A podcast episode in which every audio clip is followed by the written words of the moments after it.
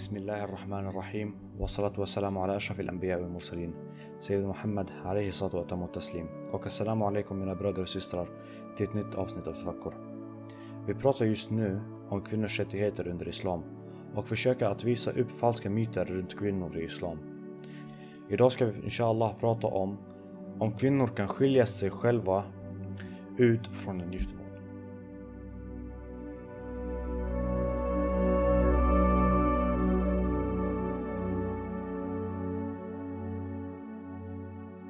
Det finns många lagliga typer av skilmässor i Islam.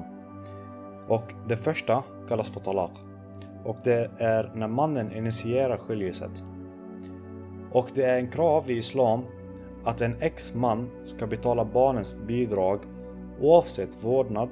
Förutom dess så har frånskilda kvinnan rätt till ekonomiskt stöd fram till slutet av hennes väntetid. Och andra typen heter tafriq eller fasakh.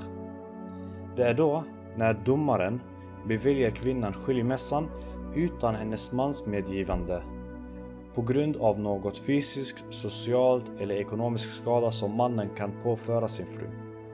Det kan initieras antingen från frun själv eller en blodsläkting och hennes vägnar för att säkerställa hennes skydd. Tredje typen heter khulu och det är när en kvinna skiljer sig från hennes make baserat på något legitim oro. I en khulu så måste kvinnan lämna tillbaka begåvningen som hon fick av mannen när de gifte sig. Det fullständiga beslutet om dessa typer av skilmässor är mycket detaljerat och omständigt. Men en grej som är tydligt är muslimiska kvinnor har inte bara tydliga sätt att söka skilsmässor och separationer utan så har de också försäkrat sig om skydd i äktenskapet. Det var bara en snabb avsnitt om skilmässa för kvinnor och må Gud bevara er mina bröder och systrar. Tack för att ni lyssnade och assalamu alaikum wa rahmatullahi